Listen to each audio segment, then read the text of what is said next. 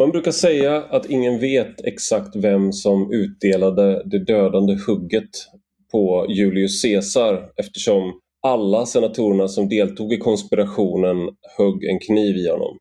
På så sätt var alla lika skyldiga till mordet och alla hade därför incitament att hålla ihop och att inte sälja ut varandra.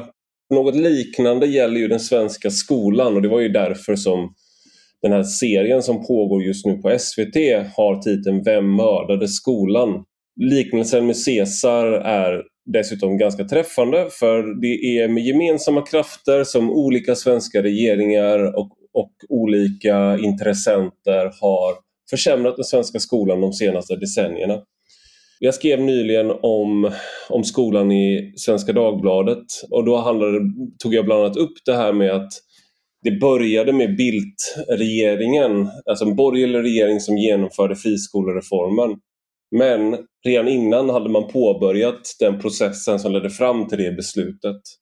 Eh, och då när Bildt-regeringen genomförde friskolereformen så fick friskolorna 85 procent av skolpengen eftersom den kommunala skolan har ett bredare uppdrag och måste ta hand om alla sorters elever. Men den socialdemokratiska regeringen som tillträdde efteråt ökade den ersättningen till 100 och det var först då med den socialdemokratiska regeringens beslut som man verkligen kunde börja tälja guld eh, i den här sektorn. Hur gör man vinsterna? Bland annat genom lägre lärartäthet, större klasser, färre behöriga lärare, billigare lokaler, mindre kostnadskrävande elever från studievana hem och mer förmånliga avtal med olika kommuner.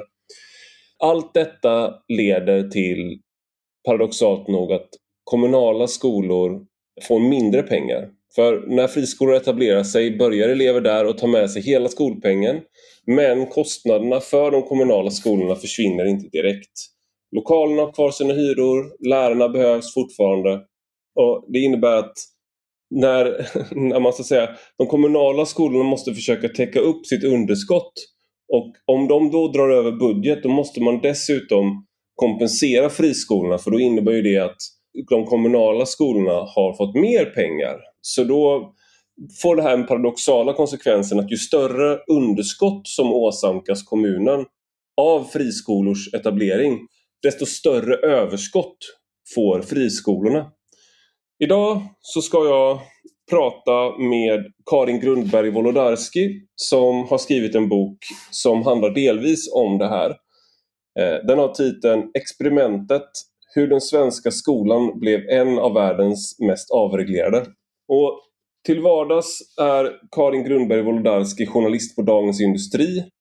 Eh, hon har tidigare skrivit boken Den döende dandyn om konstsamlaren Fredrik Ros. Och hon har jobbat med den här boken i sex år. Och jag kan verkligen rekommendera den här boken för den är skriven på ett sätt som säkert retar och irriterar både friskolevänner, eh, vinstvänner och de som är skeptiska till, eh, som vill se vinstbegränsning och som är skeptiska till friskolor. Eh, det är helt enkelt en ganska bra granskning av hur det gick till när den svenska skolan reformerades och avreglerades. Eh, man får träffa många av de viktigaste aktörerna, till exempel Peje Emilsson som eh, har, eh, är VD, har varit VD. Han grundade Kreab eh, som har varit eh, väldigt instrumentell i opinionsbildningen för svenska borgerligheten via Svenskt Näringsliv. Han är också eh, ägare på Kunskapsskolan som är en av de största skolkoncernerna. Och han är också moderat politiker som gick i eh, som känner många av de moderata och borgerliga politiker som har drivit igenom flera av de här reformerna. Men hon intervjuar också många socialdemokrater som har varit vankelmodiga men man har också varit i allra högsta grad delaktiga i att driva fram det här systemet. Vilket ju är lite paradoxalt kan man tycka just för att man ofta har, det har ofta låtit som att man går i opposition mot det här, mot vinsterna, mot friskolesektorn mot valfriheten och mot eh, aktiebolagen. Men det är faktiskt så att det är Socialdemokraterna som har styrt flest år av de senaste 30 åren.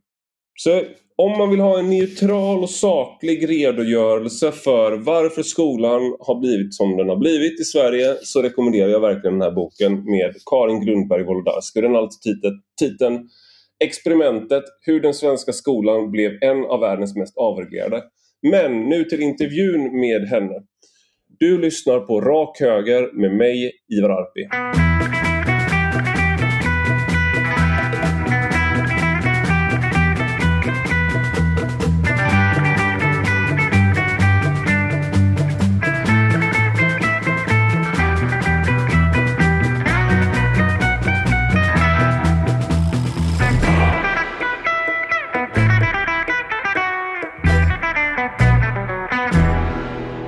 Välkommen Karin Grundberg Wolodarski till Rak Höger.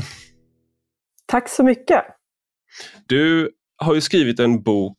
Jag, jag håller på lite med Svenska skolan och skrivit och poddat om det den senaste tiden. Eh, men du har skrivit en bok som har en väldigt eh, slående titel. Experimentet hur den svenska skolan blev en av världens mest avreglerade. När, när började du skriva på den här boken och hur kom du på titeln? Uh, jag, började, jag, alltså jag har på, um, alltså jag har faktiskt hållit på snart sex år. Alltså nu är den ju klar, så att, uh, knappt sex år. Uh, ja. och anledningen, jag, jag bevakade frågan om vinster i välfärden i min roll som ekonomisk journalist på Dagens Industri, där jag är anställd. Och då var skolorna liksom ett område som jag tittade på och så gjorde jag massa tabeller, mest skolorna som gick mest med vinst och vinstmarginaler och så bevakade jag konflikten kring vinsterna. Mm. Uh, och det här gjorde jag två mandatperioder i rad. Uh, och så var det som att artiklarna som handlade om konflikten var exakt, det var samma artiklar. Det var liksom uh, ena positionen, andra positionen och ingenting hände mellan de här två mandatperioderna.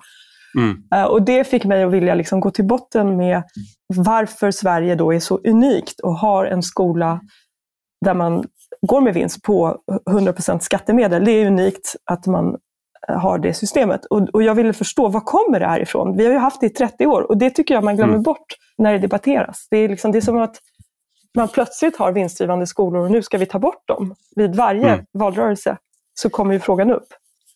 Och det är som att eh, vi journalister skriver artiklar, men betyder artiklarna något? Betyder konflikten någonting? Eller är det bara liksom teater? Det var Va? det som ville mig att skriva. Ja. Det som fick mig att vilja skriva den här boken.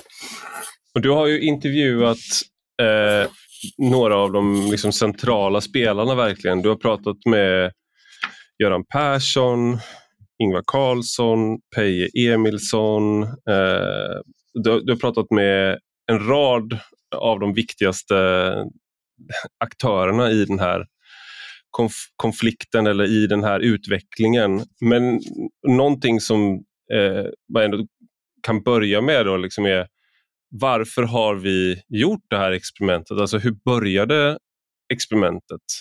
så att säga? När, när satte det igång mm. och varför?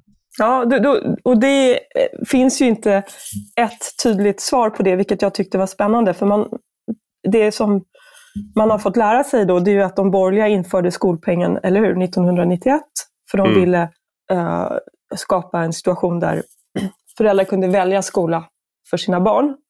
Mm. Um, men när man går till botten med hur det faktiskt var, det, det, det, det, är inte så enkelt. Och det jag visar i boken är att marknaden faktiskt öppnades upp före valet 1991.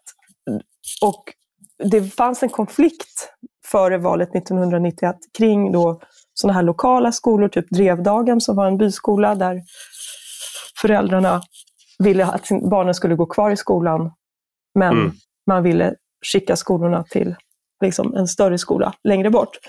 Uh, till exempel. Det var en konflikt. Uh, och sen fanns det även det fanns andra typer av liknande konflikter uh, kring liksom, lokal kontra centralt. Så att det här var återkommande och därför så fattade man ett beslut. Det var ett betänkande i riksdagen som gick igenom fyra månader före valet där man bestämde att man skulle likställa friskolor med kommunala skolor ekonomiskt. Och det, tycker mm. inte, det, har, det har ju kommit bort när man pratar om det här, att, att beslutet fattades faktiskt före valet 1991. Men, men det var ju inte för att man ville ha massa vinstdrivande skolor, utan det var för att man ville hjälpa de här friskolorna som kämpade för sin överlevnad. Det var kontexten. Mm. Nej, men det finns, det finns en rad också beslut som bäddade för möjligheten att införa skolpengen. Uh, och det kommer också fram i boken. Uh, kommunaliseringen innebar att man ändrade finansieringsformen till kommunerna. Man bytte från ett öronmärkt statsbidrag till skolorna mm. och så införde man istället ett sektorsbidrag. Och i och med det fick kommunerna mycket, liksom, de fick större frihet kring hur de skulle använda sina skolpengar.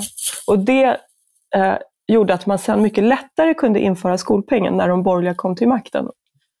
Och Det är det här också någonting som Anitra Sten säger i boken, att, att hade vi inte bytt, gått ifrån det här öronmärkta statsbidraget, då hade man, det hade varit mycket svårare att skapa en skolpeng. Mm. Men tanken att, med skolpengen är, den, den kom först från eh, Milton Friedman som du tar upp också. Han hade ju det här school voucher så att det, eleven tar med sig pengarna dit man går. Men det är bara i Sverige som vi har det systemet som fullt ut, om jag har förstått saken rätt. Ja, man har jämfört med Chile som hade ett liknande system, men de har ju reverserat det, så de har, har det inte längre. Mm. Uh, och sen har, tillåter Estlands skolor att gå med vinst, men där ska man tydligen då skicka tillbaka vinsten in i skolorna. Mm. Och de är förvånade, de estniska eh, beslutsfattarna, eller jag har, har mejlat med en tjänsteman, en estnisk tjänsteman, och de, de, hon skrev att de var förvånade över det svenska, att, att Sverige tillåter liksom, skolorna att plocka ut vinst. Mm. Uh, och uh, USA har ju charter schools också, och de tillåts ju gå med vinst i vissa delstater. Så det, det är inte helt unikt. Det är därför jag, jag, skriver en av de bästa. För jag vill inte ha den debatten, för att det finns lite vinst, eh, liknande vinst, vinstelement på andra ställen. Men, Men jag skulle säga att det, det, är unikt att det är så stor, så, så, så, vi har en så stor skolmarknad. Det är 20 procent nästan på grundskolenivå mm. av, som är friskolor och 30 procent på gymnasienivå. Och vinsten, hur, för det, för det är någonting som är svårt att helt förstå hur man kom på tanken med att skolor skulle gå med vinst. Får du någon klarhet i det i de här intervjuerna? Varför måste skolor gå med vinst? För att jag, tanken är, bara som det exemplet du tog upp med den här byaskolan som lades ner och föräldrarna protesterade i två år och sen så skulle de tvingas de till slut acceptera myndighetens beslut om nedläggning. Det var ju, och, och sen att man när man införde friskolor så pratade man väldigt mycket om eh, eller man införde friskolereform, pratade man mycket om att lärar, lärarkooperativ skulle kunna ta över, alltså kanske föräldrar då till, som skulle kunna ta över sådana där mindre skolor. Man hade en sån vision och, och samma egentligen med att man skulle kunna ha eh, olika pedagogiska inriktningar för att passa fler behov. Men det är inte men det är de stora aktiebolagskoncernerna som har expanderat mest.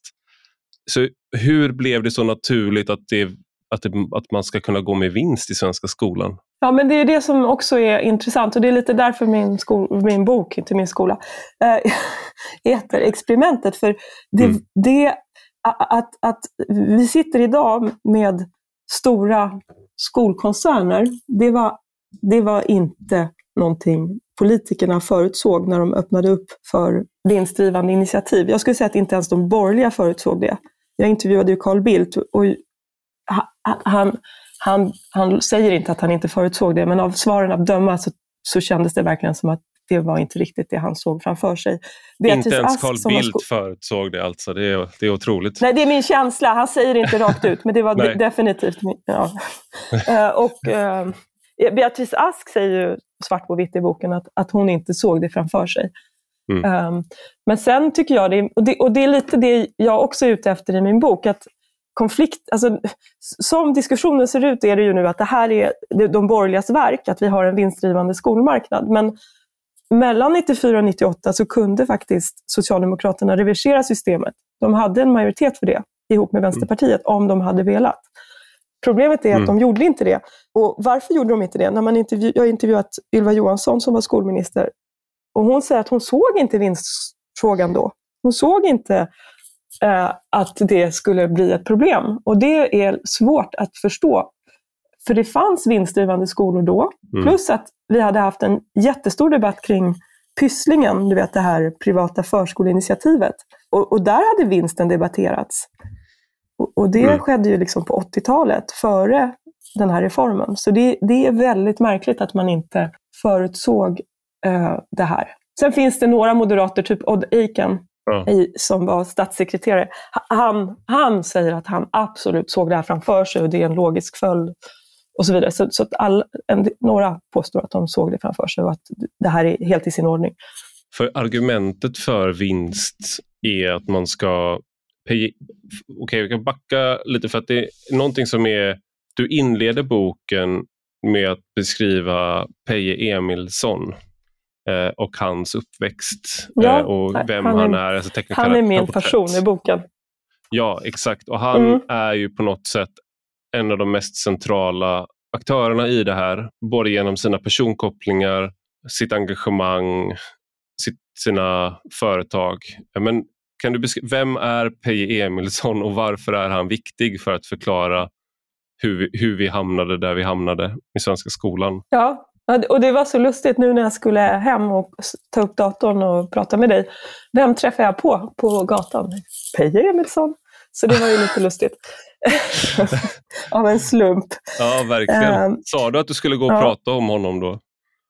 Uh, nej, jag gjorde inte det. Han, han uh, har läst boken och, och, och liksom, ja, är inte sur, vilket är intressant. Över, eller intressant. bok, jag tar inte ställning faktiskt till vad jag tycker, utan det här är ju, jag beskriver ju hur marknaden tog form. Eh, så det ja, det kanske man borde inlett med att säga att det är inte en, eh, det är inte en debattbok det här utan det är en eh, journalistisk Nej. granskning där man får inblick i hur nyckelaktörerna tänkte och vilka beslut som har fattats. Så, så det, är, det är ja, ingen... Det, är väldigt viktigt. Ja, det är viktigt. Det är väldigt viktigt faktiskt. Men, men Peje sa till mig, det var lite roligt, han sa att han kanske tog lite för mycket plats själv i boken, tycker han. Så det var mhm. hans eh, kommentar. Så det, det, var ju lite intressant. Men varför tar jag honom? Jo, för att han, jag tyckte det var väldigt spännande att eh, vi, under den här perioden, sen skolmarknaden öppnades upp till idag, har ju Socialdemokraterna styrt Sverige merparten av tiden. Mm. Eh, och idag står vi då med en vinstdrivande skolmarknad som är ja, där de har tagit en betydande marknadsandel av skolorna. Så då vill jag kontrastera de politiska besluten och det politiska motståndet med då en, en entreprenör, han är ju mer än en entreprenör, han är ju politiker också, eh, bygge. Liksom. Han, mm. eh, han är ju konkret och står nu och äger en av Sveriges största skolor. Eh, Kunskapsskolan. samtidigt då som, kunskapsskolan, exakt, eh, som går med vinst. Samtidigt som Socialdemokraterna konsekvent har sagt att de inte gillar systemet. Det tyckte jag var mm. intressant, att liksom spegla de här två skeendena parallellt. Ja, jag hoppas att man förstår det också, när, alltså det greppet. Um, ja, men det gör man. Och det är också en annan sak som man förstår är hur eh, korta stegen är mellan så att säga konsultbolaget eller eh, Kreab som Peje Emilsson var med, ja. ja. som Peje var med och grundade eh, till Svenskt Näringsliv men också till Moderaterna. Det är liksom Carl Bildt eh, var med liksom i Kreab ett tag, eller han hjälpte till där. Och mm. att mång, även inom Socialdemokraterna hur stegen kan vara väldigt korta från eh, regeringskansliet till eh, samhällsbyggnadsbolaget. Nu ska vi inte prata om det här nu men med Ilja Batljan.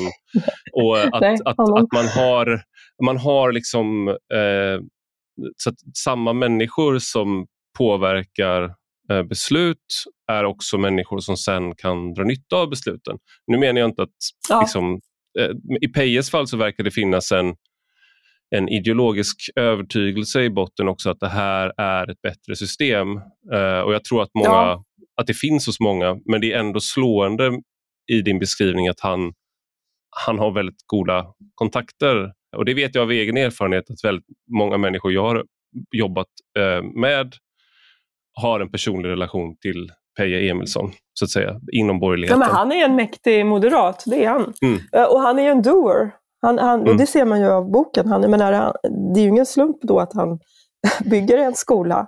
Eh, han har ju till och med byggt ett eh, omsorgsbolag nu på äldre dagar som han har sålt eh, till stora mm. delar till Conny Jonsson av alla människor. Um, du vet, mm. han EQT-grundaren. Uh, och det gör han också av ideolog ideologiska skäl, delvis. Det är säkert en ekonomisk... Uh, det, det, det hänger ju ihop, liksom, mm. såklart. Men, men vem är Peje för, för lyssnarna? Peje Emilsson då är en, en, um, en moderat politiker som började som politiker och sen ville han ändå in i näringslivet och så grundade han PR-byrån Kreb mm. eh, som har hjälpt då bland annat eh, SAF, som det hette på sin tid, men nu heter det ju då Svenskt Näringsliv, att jobba med sitt informationsarbete och de har hjälpt en rad bolag och även då Moderaterna bland annat. Eh, och sen har han då grundat, några år efter införandet av skolpengen, så grundade han då Kunskapsskolan, som idag är då en av Sveriges största friskolor, mm. vinstdrivande. Så det, det är väl Peje. Han äger också Demoskop. Det var någon debatt på Twitter såg jag kring detta nyligen. Ja, det, är, det är, ehm. om, man, om man bara kollar rent objektivt så är det imponerande att ha så många strängar på sin lyra. Sen kan man kolla på det på annat sätt också. Men jag tänker det, det ja, känns... han är en intressant, ett intressant case, eller hur? Ja, det är han verkligen. Jag tänker att han är ju den här närings... Om man ska vara då stereotyp så är han en bra skildring av näringslivshögen och hur man ser på valfrihet, vinst. Man har inga problem med vinster. Marknaden sköter, eh, sköter uppgifter bättre än staten mm. och sådär. Men inom Socialdemokraterna, Sen, inom Socialdemokraterna ja, ja, som du, ja, förlåt, du ska få komma in där. Nej, jag ville bara säga med Peja att han har ju vissa gränser. Han, plötsligt när det var diskussioner kring riskkapitalbolagens eh, liksom, roll som ägare av vinstdrivande skolor, det tyckte han ju inte om. Och sa att de, ska, de, är inte lämpliga ägare. Så att han, eh, även där så blev det, gick det för långt, liksom, enligt mm. honom. Så det var ju lite intressant. så att det, min, eh, min nidbild var, eller min stereotyp var kanske lite för yxig där, men jag tänker att inom Socialdemokraterna har det ju hela tiden, du, du tar ju upp det just hur man har pendlat mellan eh, entusiasm och motvilja. Man har varit liksom ljummen och sen har man varit... Eh, ja, man, man har pendlat mellan väldigt många olika inställningar egentligen till, till friskolebranschen och marknadsskolan. Eh, och du, du tar också upp hur eh, man har ända sedan 2002 liksom, eh, hållit på i olika omgångar med utredningar för att få bort eller begränsa vinstutdelningar men man kommer, hittills har man ju då 20 år senare så har man inte lyckats med det. Så är det, vad är Socialdemokraternas position i det här? Är man både för vinster och mot vinster samtidigt? Alltså hur, hur ska man förstå det här? Nej, ja. Nej jag tror alltså, jag tror att eh, de flesta, nu är de ju inte eniga allihopa, men är egentligen emot vinster. Problemet för partiet är att det, hur ska de kombinera valfrihet med att förbjuda vinster? Alltså den, mm. den ekvationen idag blir väldigt svår för dem. För om de tar bort vinstmöjligheten, då kommer valfriheten minska. För en del aktörer kommer att försvinna. De kanske till och med, en del bolag liksom blir värdelösa. Jag vet inte ens om, om, om det går rent tekniskt att uh, förbjuda vinster. Mm. Um, alltså att dra undan mattan för ja, villkoren för, för de här bolagen. Uh, men, men det, det, är ju liksom knäckfrågan för dem. Hur ska de tillåta valfriheten och förbjuda vinster samtidigt? Just det. Um, ja. Här, Vet du? Har du något svar på det? Nej, men jag, i det här avseendet så liknar de väl också gemene man ganska mycket. Att gemene man, frågar man folk på gatan, det här gillar Socialdemokraterna att ta upp och Vänsterpartiet, att, eh, många, att det finns en majoritet som är emot att man tar ut vinster i välfärdsföretag och skolan. Men det finns också en stor majoritet som vill ha valfrihet. Eh, så mm. de borgerliga citerar det här om valfrihet och eh, de till vänster citerar det om eh, vinster i välfärden. Men det är svårt att få ihop den ekvationen. Ja, och det var lite det som, enligt Ylva Johansson, som var kanske en av anledningarna till att hon hade svårt att backa bandet redan 1994. Att hon ville liksom behålla valfrihetselementet. Och då på något sätt vägde det tyngre än att um, försämra villkoren för friskolorna. Och då fanns det ju inte så många skolor som gick med vinst. Och då, ja. Men, så det, det, redan då var det en knäckfråga. Och den har ju mm. liksom inte blivit mindre när många friskolor är vinstdrivande friskolor mm. idag. En annan sån här vad ska man säga, någonting som kommer fram i boken är i takt med att man har kommunaliserat, man har, man har tillåter vinster, man har en växande friskolesektor så inser man, du tar ju upp exempel på, nu tappar jag namnet, på, under kapitlet rektorn som var ett hot mot rikets säkerhet, Abder ja. Nasser El Nadi. Ja. Eh, och det var han då som han startade sin grundskola 2009 och eh, den fick namnet Vetenskapsskolan till slut. Och han bedrev den eh, det, det, var en friskola med allmän inriktning men, men den bedrevs i praktiken som en konfessionell eh, skola. Och du tar till exempel upp att man delade upp eh, eleverna i flickor och pojkar. Man hade religiösa inslag med böner i undervisningen. Man gjorde om Idas sommarvisa. Det här tycker jag är nästan är lite fint, men man gjorde om den refrängen från jag, jag gör så att blommorna blommar till Allah gör så att blommorna blommar. Det är någon typ av integration som har skett där, men kanske inte precis den integrationen man hade kanske hoppats på. Och att man hade jättehöga betyg. 90 procent av eleverna hade fullständiga betyg i årskurs 9 läsåret 2018-2019, vilket kunde jämföras då med 30 procent i den kommunala Bergsjöskolan som låg fem kilometer bort. Men någonting som du tar upp där och som är att Skolinspektionen de kunde inte granska huvudmannen för det saknades stöd i lagen för det. Eh, och Det var först 2019 som Skolinspektionen fick möjlighet att kunna granska personer som har stort inflytande över verksamheten. Just det här att vi har, å ena sidan har vi haft en otroligt avreglerad bransch men vi har inte haft kontrollinstanser som har kunnat kontrollera ordentligt. Hur, hur tänkte man inte på det från början eller var det liksom, såg man inte framför sig att det skulle kunna vara den här typen av skolor? Nej, men, ja, men återigen, alltså, jag, jag tjatar, men experimentet det är ju faktiskt mm. helt sanslöst att man i Sverige har låtit eh, då den här, det, det, finns ju många andra exempel. De har ju stängt, mm. eh, vad var det, det är typ ett 17-tal skolor sedan de fick de här ökade möjligheterna att göra ägar och lednings ja, det finns någonting som heter ägar och ledningsprövningslagstiftningen. Just det, 17 skolor och ett fritidshem bara mellan, mellan 2019 och 2021 skriver du. Det är ju, det är ju liksom otroligt. Det går, det går ju ut över Sveriges liksom barn att man tillåter eh, oseriösa aktörer att driva skola. Så det, mm. och det är lite så här, eh, boken visar, det, här, det politiker fattar beslut i någonting som är ett av statens viktigaste uppdrag, att ge utbildning till liksom, medborgarna, till barnen i, i ett land. Mm. Uh, och så har man inte en uh, regelverk på plats som ser till då att det är seriösa aktörer som driver skola. Uh, mm. ja, det, det, är ju inte klokt egentligen. Och, så, och, det, och det, är, det, det beskriver, det, det, jag tycker är förvånande, det är att man han, det finns ju en till person som nu sitter och äger en stor skolgrupp som är omskriven. Han är också en, han är lite bifigur, man ska säga, han spelar biroll. Anders mm. Hultin. Mm. Mm. Uh, han jobbade ju med Beatrice Ask när man öppnade upp, uh, uh, när man införde skolpengen. Och nu sitter han ju och äger Vatma Group som är, faktiskt håller på att bli en stor skolkoncern, även den. Mm. Men han beskrev ju att när man öppnade upp så var ju Skolinspektionen då, de, alltså de som skulle göra inspektionerna, de var ju lite tagna på sängen och visste inte riktigt hur de skulle göra och sådär i början. Men det, det, mm. det, det, är märkligt att man inte har, har haft ett, ett bättre, eller fortfarande antagligen inte har ett, ett bättre regelverk på plats. Eller hur? Ja, men jag, jag, jag tänkte, det var en... Eh finns här en paradox lite i eh, det här med liberaliseringar. Att det är om, om man så att säga har om man har stor tillit och människor förtjänar den tilliten så att säga, då kan det funka väldigt bra. Att man så att säga, man brukar jämföra rugby med amerikansk fotboll vet jag. Att i rugby så är liksom engelsmän spelare och alla engelsmän har liksom gentlemen's agreement. Så att det finns nästan inga regler och det finns nästan inga regler utskrivna. Det är bara att man gör inte vissa saker.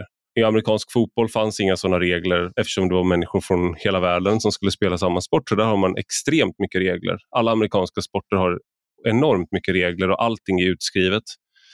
Eh, och Något liknande tänker jag på med, med svensk skola. Liksom att man, ju, ju, men ju mer man har liberaliserat så har man också insett att man måste ha mycket större kontrollmöjligheter. Men det, jag, du tar upp det i boken att det inte är alla som tror att man helt enkelt man kan ha en... Är det Anna Ekström som säger det? Jag kommer inte ja, ihåg. Men det är ju Socialdemokraternas linje att, att de ja. tycker att de, de, de anser att eh, nu har de, de försöker täppa till hålen och, eh, och det, de anser inte att det är en fruktbar väg längre för att till slut så blir det svårt för de här mindre aktörerna att bedriva verksamhet för det blir, det är så, regel, det blir så regelstyrt. Mm. Uh, och det kostar ju massa pengar att leva upp till regler så då gynnar det ju bara koncernskolorna. Uh, och, och, tanken från starten var ju att man skulle låta ja, men mindre privata initiativ och liksom personer som verkligen var besjälade av utbildning och så få, få starta upp skolor och driva skolor. Det var ju inte, tanken var ju inte att, att vi skulle ha stora liksom, koncerner. Så, att, så att på något sätt så har ju det här um, satt krokben för sig själv om du menar vad jag menar. Förstår mm. vad jag mm.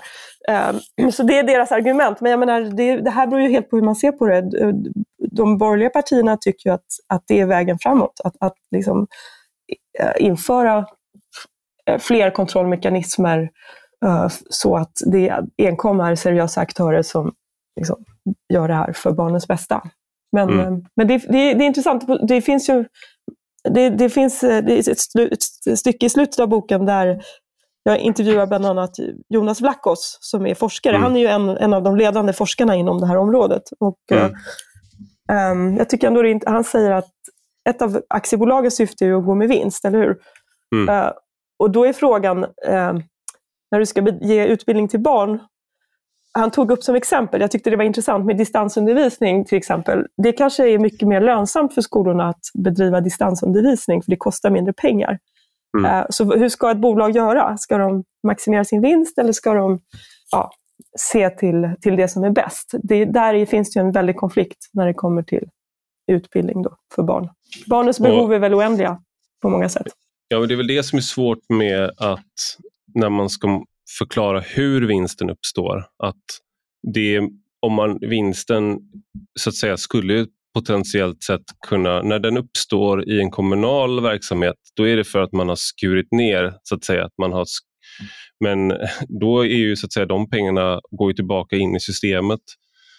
Men om man, som en kritik som kommer mot friskolor är att man har eh, färre lärare per elev Eh, man har ett lättare elevunderlag, alltså elever från studievana hem eller som har akademikerföräldrar. Man har bättre socioekonomisk status men i mindre utsträckning så är man utrikes, har man utländsk bakgrund.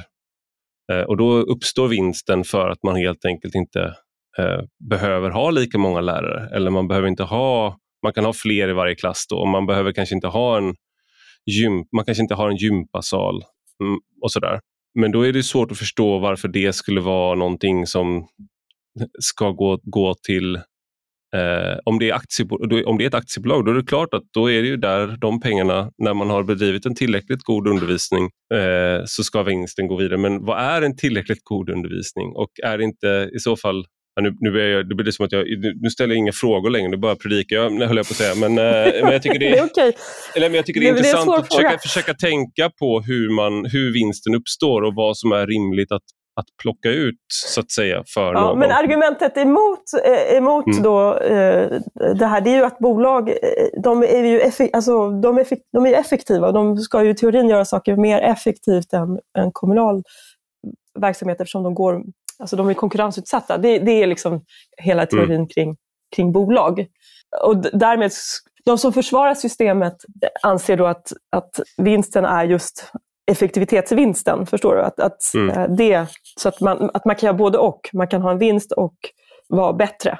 Eh, men som sagt, jag tar inte ställning. Jag visar på, ställ, visar på, på frågorna och uh, tar upp, men jag tar upp en del frågor. Jag tycker Jonas Lackos är intressant. Honom mm. kanske du skulle intervjua också eh, ja, ja, i din podd. Han, han, är spännande. Han kan ju det här utan och innan. Han är ju forskare. Liksom. Men en, en sån där att, uh, sak som vi, eh, vi pratade lite kort innan om att uh, hur många barn du har, hur många barn jag, jag har och sådär. Uh, och vi pratade lite kort om så här, varför blir barn som de blir och en, en tanke som är då med, med skolan som man pratar om är det här kompensatoriska uppdraget. Så att man, man tänker sig att då även om barn som kommer från eh, en eh, bakgrund där man inte har studievana eller man har inte svenska språket med sig så ska skolan agera kompensatoriskt och då friskolorna och kommunaliseringen eller liksom utvecklingen över tid har varit att skolan blir mer segregerad och eh, mm. min, mindre likvärdig. Eh, Men det här, är, det här var väldigt, får jag rätta dig eller liksom ge en mm. nyans? För det var också väldigt intressant och det tog väldigt lång tid för mig att skriva eh, de här slutkapitlerna. För att jag insåg att för det första är skolforskning ett jättesvårt område. Eh, mm. Man jämför äpplen och päron och forskarna är inte överens om definitioner på saker. Eh, så likvärdigheten, det är som du säger, det är att man ska kompensera då för att man kanske har, eh, man är missgynnad rent på olika sätt. Den har tydligen inte, eller man inte liksom, den har tydligen inte försämrats över tid, eller man kan inte belägga det, att mm. likvärdigheten skulle ha försämrats. Däremot kan man belägga att segregationen har ökat, så det är två olika saker. Kan du förklara hur de skiljer sig åt? Men likvärdigheten handlar om hur skolan kompenserar. Alltså att, eh, om du har, kommer från en missgynnad miljö så ska skolan kompensera för det. Eh, och då eh, säger du att likvärdigheten har försämrats över tid. Tydligen så säger forskaren, en, några, en av forskarna som jag har pratat med att det kan man liksom inte belägga att likvärdigheten skulle ha försämrats, att skolorna är sämre på att kompensera. Men däremot kan man, är, det, är forskarna, många forskare överens om att segregationen har ökat. Det vill säga att, att en viss typ av elever går i en skola och en annan typ av elever går i en annan skola. Mm. Så det, det, är lite... Det, det, är lite, det är lite olika saker, men att segregationen har ökat, det har den. Och en förklaring till att den har ökat anser forskare vara just vårt system med valfrihet och att skolorna är vinstdrivande och lockar försöker locka till sig elever. Det liksom spär på segregationen. Likvärdigheten har alltså inte Likvärdighet, det är det här kompensatoriska. Den, mm. Det går inte att föra i bevis att den har blivit sämre, att skolorna har blivit sämre på att kompensera. Mm. Eh, det de, kan de inte föra i bevis, forskarna. Däremot så ser man att segregationen har ökat. Mm. Att eh, en viss typ av elever går i större utsträckning med varandra och en annan, alltså att, man, att eleverna är liksom uppdelade. Det har ökat. Eh, men för den sakens skull betyder inte det att likvärdigheten har försämrats. Även om man tror det, om man tar för givet att det skulle vara så, så är det tydligen inte så, går inte riktigt att föra det i bevis. Men det här kanske är liksom hårklyveri för, för våra lyssnare. Nej, jag tror inte det. Jag tror inte det, för jag tror att det här är, det här är att man jämför det du sa att man jämför äpplen och päron. Om du jämför en lågpresterande elev 1970 eh, med en högpresterande elev 1970 så, och sen gör du samma sak idag. Alltså, ja, men då, du kan... då kanske skolan inte är eh, sämre, på, sämre att på att kompensera. Exakt, det är det som är poängen. Men då, om jag förstår dig rätt och boken rätt så går inte den lågpresterande och den högpresterande eleven i samma skola i lika stor utsträckning idag. Exakt, exakt. Så det är segregationen. Så den har ökat. Så vi har ett samhälle där eh, elever ur, ur, olika miljöer möts i mindre utsträckning mm. idag. Och det, en av förklaringarna till det är friskolesystemet.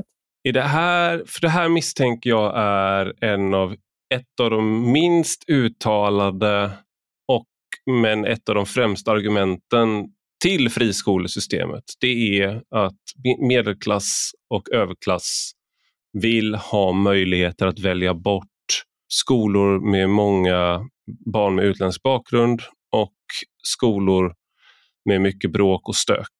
Och eh, då är man beredd att hålla för näsan oavsett hur mycket vinst en skola tar ut. Är det här någonting som du har pratat med eh, dem i din bok om någonting? Nej, jag har inte pratat, det, det är liksom inte... Eh, min bok handlar ju om besluten framförallt som eh, formade, som öppnade upp då för dagens situation med så många vinstdrivande friskolor samtidigt som vi under hela den här perioden har haft en konflikt kring systemet. Eh, så det har inte jag tittat på, den, den frågan. Men det är klart att alltså, det, valfrihet, du skulle ju kunna ha valfrihet utan vinstdrivande element också, eller hur? i teorin. Alltså du skulle ju kunna ha stiftelse, stiftelseskolor till exempel. Men, men nu mm. har vi ju de här vinstdrivande skolorna. Så det är ju de som finns. Liksom. Någonting som du tar upp det är det här med Socialdemokraterna, hur man vill förändra systemet och att man då Socialdemokraterna nu vill avskaffa köerna och införa andra urvalsgrunder och man vill också att samtliga skolhuvudmän, då, även friskolor, ska verka för inom citat då, en allsidig social sammansättning av elever för sina skolor. Hur sannolikt är det att man, är det där också en sån här sak som man går till val på men svårt att genomföra i realiteten. Är, hur, hur, hur, har, hur har de du pratat med reagerat på den formuleringen från eh... Nej, men det, det, är intressant, för just den formuleringen, hör du mig, från socialdemokratiskt håll, mm. eh, den motsätter sig ju Moderaterna. De eh, vill inte ha, de, de vill att valfriheten, det tycker jag är intressant, de vill fortfarande att valfriheten ska trumfa, eh, ska trumfa allt i princip. Mm. Ehm, även om det leder till ökad segregation. Så det är ju intressant att, att det är så. Ehm, så där har du en konflikt. Ehm, de, de verkar inte komma överens heller kring det. Men sen får man ju se, liksom, jag vet inte såklart, vi får ju se vad som händer. Det är ju, de mindre partierna verkar ju vara lite vacklar, alltså Centern och Liberalerna, mm. just kring bland annat de här frågorna. Så att, ehm, jag vet inte om, om, om det går och, om, om de kommer kunna hitta en, en kompromiss här. Men det är som sagt, det är inga frågor jag svarar på i boken riktigt. Nej, jag, jag ville bara ta upp det som en uh, liten sak från sidan. Jag tänkte att det är en... Uh, jag har försökt att förstå varför man inte reagerar på de här vin, vinsterna som du tar upp. Alltså hur, det är ju miljardvinster i vissa fall och eh, en, en, ett svar som jag har tänkt är att det är för att folk vill ha möjlighet att exit options från saker man inte tycker fungerar. Om man tänker att många verkar vara skeptiska till att skolor ska ta ut vinst, att en majoritet är skeptiska, även borgerliga väljare är skeptiska till det eh, och tycker att det är fel. Men det är inte någonting man gör till en stor grej för att och heller inte till en stor eh, valfråga. Man pressar inte partierna man röstar på i den här frågan och man håller för näsan så att säga vad gäller de här vinsterna fast man kanske är emot dem för att man tycker att det är viktigare att ens barn går i en skola där det är mindre stök, där det inte är lika Jaha, mycket sociala ja, problem. Jag... Och då att man liksom har, har man har liksom. valt ja. att svälja den här vinstfrågan för att man tänker att men om, om man går emot vinsterna så kanske de här möjligheterna, möjligheterna att välja bort försvinner. Mm -hmm. Okej. Okay. Ja, men jag vet inte. Jag har inte gjort någon opinionsundersökning kring, liksom, äh, kring det här, om jag ska vara riktigt ärlig. Så, så det är möjligt att det är så. Jag vet inte. Men, eh, sista, sista fråga då. Det är, Sverige har gått från att vara en väldigt bra skola till att vara en ganska... Alltså, vi har placerat oss längre ner i de här PISA-mätningarna och TIMSS-mätningarna där man mäter eh, elevernas kunskaper. Hur förklarar de olika liksom partierna den här försämringen och de du, eller de du har pratat med, hur, hur förklarar de den här försämringen? Ja, alltså det är intressant för att, uh, nu har det i och för sig vänt upp. Mm. Uh, så trenden har varit positiv på sistone. Uh, men det är intressant för när man införde skolpengen 1900, när de borgerliga då vann, makt, vann makten 91 och man lanserade skolpengen, då så sa ju Carl Bildt i sin regeringsförklaring att Sverige skulle skapa Europas bästa skola. Men vi har ju inte, Sverige har ju inte Europas bästa skola, så det är inte så att konkurrensen har lett till att skolorna har blivit fantastiska. Nej. Eh, det tycker jag är eh, intressant och det är ju eh, ett, det, det, det, är intressant att konkurrensen inte per automatik liksom gör att skolorna blir de bästa i, i Europa. Men sen är det också så intressant, skolan började ju gå sämre. Och det, den liksom försämringen påbörjades redan något före införandet av skolpengen. Så man vet inte hur skolan hade varit utan den här reformen. Så, så det, det, det, det kanske är så att svenska skolan hade varit ännu sämre utan det här inslaget. Så det, det, är, liksom, det, det är, ingen, det är ingen, ingenting man kan svara på hur, om, om det är friskolorna som är orsaken till det eller inte. Det finns, man kan ju inte jämföra med, med någonting. Man jämför ju ibland med Finland till exempel och där har, som har haft en väldigt liknande skola. Vi, vi följdes åt fram till 60-talet åtminstone och sen har Sverige gått i en annan riktning både vad gäller pedagogik och marknadsreformer, kommunalisering och liknande. Och där har man haft bättre skolresultat under alla år man har mätt. Nej, men där har man haft eh, bättre resultat under alla år man har mätt, men det finns inget experimentsituation. Man hade behövt så här, förbjuda Norrland att eh, hela det här systemet, behålla det gamla systemet för att ha en så här, Exakt, man kan eh, inte jämföra. och det, jämföra med. Och det, det, det, det, kan mycket väl vara så att svenska skolan hade varit liksom, sämre utan det här inslaget också. Vi, vi vet inte. Uh, det tycker jag också är intressant. Att, att, uh, det, går, och det, det, det, hade, det, kan mycket väl vara så att svenska skolan hade varit liksom, sämre utan det här inslaget också. Vi, vi vet inte. Uh, det tycker jag också är intressant. Att, att, det går inte att säga att det är liksom systemets fel att det går dåligt. Alltså att, att svenska elever började prestera sämre. Men nu har det ju vänt, som sagt. Mm. Så det kan man också komma ihåg. att, att det vi får väl se nästa PISA-undersökning, om trenden håller i sig. Det, man gjorde, det, det tar du också upp, att det, det finns kritik där från eh, när Expressen gjorde en granskning av det här. Eh, så man såg att man hade tagit bort väldigt många elever som hade varit för kort tid i Sverige, tror jag. Så att de deltog inte och att man hade en för stor andel elever som man tog bort från PISA-mätningen. Så det, om man då att det, och därför att det skulle kunna vara så att förbättringen därför är en... Eh, det handlar om så att säga skillnaden mellan... Glädje. Ja, glädjesiffror, skillnaden mellan antalet sysselsatta och arbetslöshet ungefär. Att de, de, så att säga, den där procenten ingick inte i skolarbetskraften och därför så såg arbetslösheten lägre ut än vad den faktiskt var. så att säga. Mm. Uh, ja, sen, men den, hon fick ju kritik. Sen är det intressant att eh, OECD accepterade ändå det svenska resultatet och det tyckte jag var lite intressant. De, de tyckte inte det fanns anledning att, att göra om eller i alla fall att säga att det här inte stämde. Sen var ju de tydligen lite part i målet. Så det. Att, ehm, det är lite oklart varför. Det är lite intressant och att de gjorde det, tycker jag. Det kanske inte, de, de anser inte att det skulle ha förändrat resultatet jättemycket. Ha, det ska, egentligen, jag, jag, ska släppa dig nu, men jag tänker, det var, nu när vi ändå kom in på OECD så har du också intervjuat eh, Andreas Schleicher på eh, OECD som är ansvarig för PISA-studierna. Och han menar att Sverige eh, har, ha, att han blev chockad, citerade du honom på, när han besökte vissa skolor i Sverige där segregationen var mm, tydlig. Det tyckte jag var intressant. Han, han, det, det, tyckte jag faktiskt var väldigt starka citat från honom och intressant att han blev chockad över segregationen i svenska skolor. Men det har jag hört från annat håll faktiskt. Jag pratade med en fransyska. I Frankrike är skolorna väldigt segregerade. Mm. Och hon sa till mig att hon tyckte att situationen i Sverige är värre än i Frankrike. Och det tyckte jag också var intressant. Hur, vad var det hon tyckte var värre? Nej, men hon, hon jobbade på Franska institutet och så fick hon en besök från... Hon, det här var ju bara liksom kom, det var ingen, det är, hon har ju inte gjort någon vetenskaplig studie så det kom Nej. bara liksom, en spontan kommentar som hon gjorde som fransyska. Eh, hon hade besök då från någon skola från någon förort till Franska institutet i Stockholm och reagerade då över att det i princip var eh, sån, eh, liksom, reagerade över segregationen som hon såg och mm. sa till mig att hon tyckte det, det, det upplevdes som värre än i Frankrike. Det tyckte jag var intressant. Så det här är ju någonting som eh, ja, landets politiker verkligen bör titta på, tänker jag. Det är...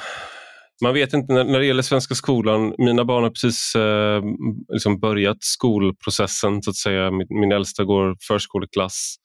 Eh, och sådär. Men, men det är många av de här sakerna är sånt man tänker på väldigt, väldigt mycket. Och eh, man vet inte var man ska börja egentligen. Så jag tycker det är väldigt intressant med din bok för man får verkligen den här eh, historiken, eh, behovet hos väldigt många människor eh, att kunna välja, att ha rätt att välja själv, inte vara beroende av en stat som bestämmer allting åt en. Börja, det börjar där och sen så blir det en så här dominoeffekt som du beskriver där välmenande beslut, kloka kanske beslut som är bra där och då leder till någonting annat och sen så ska man hantera det. Och kanske allra tydligast i din bok och kanske allra tydligast överlag, det är just den här Socialdemokraterna som styr störst del av den här tiden som det handlar om, som är så vankelmodiga. Å ena sidan driver på utvecklingen och å andra sidan är de emot den utvecklingen som de själva fattar beslut om att driva på. Och nu då har de landat i, återigen i att nu ska de gå till val på att förbjuda vinster i, i skolan. Och Du avslutar med ett prata med Peje Emilsson och du frågar honom om han tror att eh, en majoritet i riksdagen kommer att vilja förbjuda vinstuttag i skolan efter valet 2022. Vad säger han då? Nej, jag tycker han, är, han ska jag berätta vad han säger eller ska jag läsa ja. upp vad han säger? Eller, Nej, du kan säga vad han säger. Uh, ja. Nej, men han, han säger att han inte alls uh, räds det här förbudet. Han har ju som skolentreprenör han, har ju han varje mandatperiod fått höra det här. Så, mm. så att, han är ju luttrad kan man ju säga. Mm. Uh, sen erkänner han ju att han var väldigt oroad när Reepalu-utredningen lades fram. Uh, men han räddades ju då av att SD ändrade liksom, position. Så då mm. gick ju inte den utredningen genom riksdagen. Uh, men nu så, så, säger han att han inte är, är, är rädd för att det skulle bli något förbud mot vinster. Han tror inte det kommer vinna gehör i riksdagen. Och så tyckte jag det var lite intressant att han säger Socialdemokraterna vill ju avskaffa monarkin också. Även det står i partiprogrammet. Så att han, han jämför den frågan med monarkin. Det tyckte jag var lite intressant. Men det blir kanske som Socialdemokraterna är ju antikapitalistiska i någon mån, eller man påstår sig vara det, men man är också marknadsvänlig. Alltså man, man sitter alltid på två stolar på något sätt. Ja, men, ja, men den, här frågan, alltså den här frågan har ju liksom eh, återkommit ja, jag vet inte, i, i, i princip faktiskt varje valrörelse sedan systemet infördes. Mm. Och, och under den här perioden har vinsterna tillåtits. Det, det, är liksom, det var ju det som fick mig att vilja skriva boken. Mm. Stort tack Karin Grundberg Wolodarski för att du var med i Rak Höger. Ja, men tack Ivar som bjöd in mig. Tack så jättemycket. Och stort tack till dig som har lyssnat. Gå gärna in och skriv en recension på Apple Podcasts eller i den app där du lyssnar på podden. Och detta är alltså en del av en större publikation på Substack med samma namn som podden. Och den som prenumererar där kan även ta del av de texter jag skriver.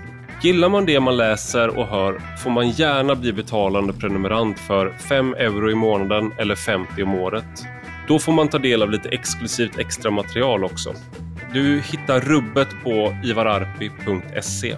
Och har du några frågor eller synpunkter kan du alltid mejla mig på ivararpi Vi hörs igen.